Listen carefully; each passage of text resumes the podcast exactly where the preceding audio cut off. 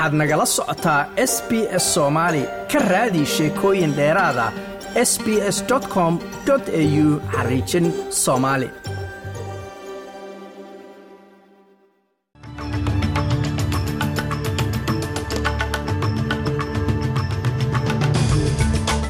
galab wanaagsan dhammaantiinba meel kastoo aad joogtaan waa maalin isniina bisha juunna ay tahay shan sannadka labada kun iyo labaatan iyo saddexda magacayguna waa xasan jaamaca wararka maantana waxaa ugu waaweyn. Hooyo labaatan sano xabsi ku jirtay oo ugu dambayntii cafis loo fidiyey ururka samafalka ee safe the children oo ku boorinaya dowladda australia inay soo qaado carruur iyo haween ku xaniban xeryaha dalka suuriya. Ciidanka ruushkuna waxa ay sheegteen inay iska caabiyeen weerar culus oo ay ukrein uga soo qaaday gobolka bari ee donska la yidhaahdo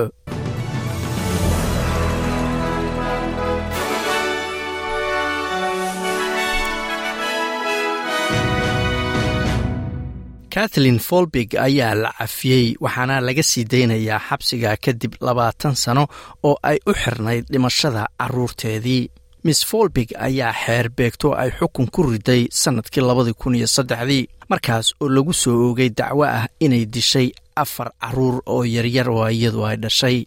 waxaana lagu xukumay afartan sano oo xabsi ah. Baaritaanoo dhowaan la sameeyey oo uu hogaaminayay tom bathest oo ah xaakin hadda shaqada ka fadhiistay ayaa dibu eegid ku sameeyey arrintaasi. Waxaana uu soo ogaaday ama helay caddaymo cusub oo sheegaya inay dhici karto in dhimashada caruurteedu ay sababo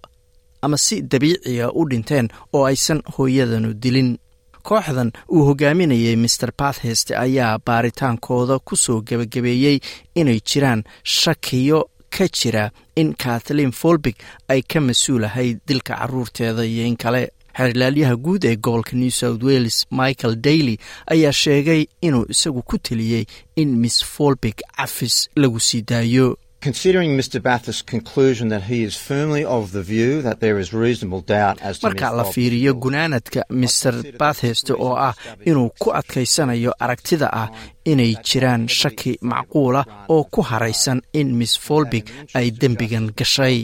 Waxaana jira daruufo gaara oo markaasi u badinaya in cafis loo fidiyo hooyadan. Cadaaladuna waxa ay ku jirtaa in miss folbig laga sii daayo xabsiga sida ugu dhaqsaha badan.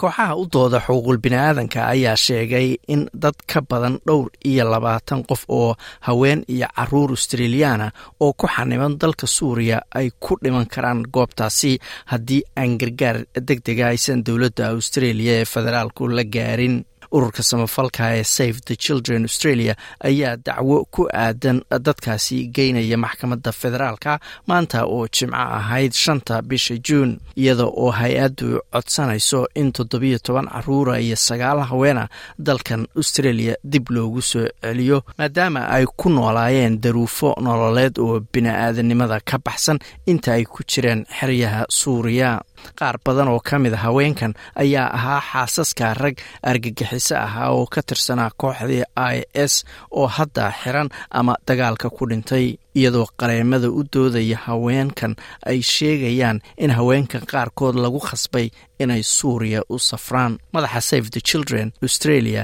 matt tinkler ayaa sheegay in dowladda looga baahan yahay inay sida ugu dhaqsaha badan tallaabo u qaado haddii kale carruur australiyaana ayaa ku dhimanaya goobtaasi. Ra'iisul wasaaraha dalka australia antony albanisi ayaa sheegay in dowladdiisa ay ka go-an tahay inay hirgeliso talooyinka ka soo baxay warbixin laga soo saaray dembiyo dagaal oo ay galeen ciidanka xoogga dalka australia tan ayaa imanaysa kadib markii ben roberts oo ahaa askari bilado badan lagu siiyey dagaalkii afghanistan oo ka soo qayb qaatay. Uu khamiistii lumiyey dacwo sumcadil ah oo uu la tiigsaday saddex joornaal iyo suxufiyiin u shaqaynaysay.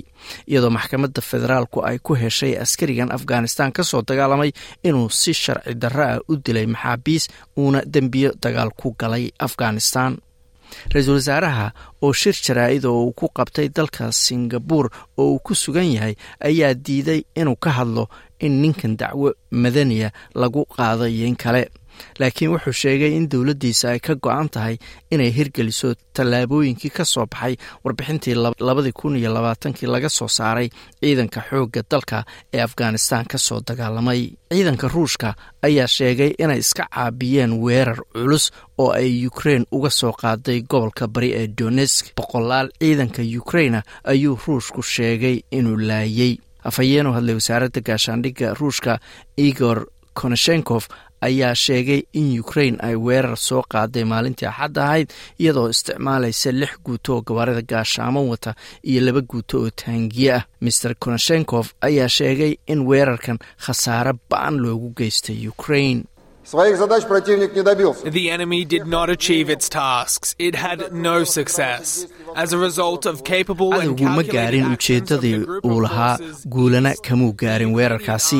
awoodda iyo tallaabooyinka ay qaadeen ciidanka ruushka awgiisna ciidanka ukrein khasaaro ba'an ayaa gaaray oo waxaa ka dhintay laba boqol iyo konton askari waxayna ku waayeen goobta lix iyo toban gataangi saddex gawaarida ciidanka qaada iyo kow iyo labaatan gawaarida gaashaaman ukrain ayaan iyadu weli ka hadlin howlgalkaasi. Waxaana sidoo kale caddayn in weerarkan la sheeganayo uu bilow u yahay weerar celin ballaaran oo ukrain ay qaado oo baryahanba la sugayey. Dhanka cayaarahana tenniska novak jokovich oo ah ninka saddexaad ee cayaaraha tenniska. Hadda ugu sarreeya ayaa waxa uu qarka u saaran yahay ayaa la yiri inuu rikoor cusub jebiyo. Haddii uu qaato koobkii labaatan iyo saddexaad ee tartamada waaweyn ee cayaaraha tenniska kadib markii uu gaaray rubac dhammaadka cayaaraha ka dhacaya roland garos oo ah dalka faransiiska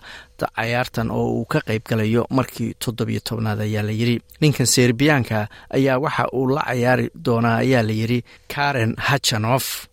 rubac dhammaadka cayaarahan. Saadaasha hawada berita magaalada melbourne waa qayb ahaan daruur iyo siddeed iyo toban digrii sydney waa qayb ahaan daruur iyo labaatan digrii halka australian dollar maanto isniina waxaa lagu sarifayay lixdan iyo lix senti oo lacagta maraykanka ah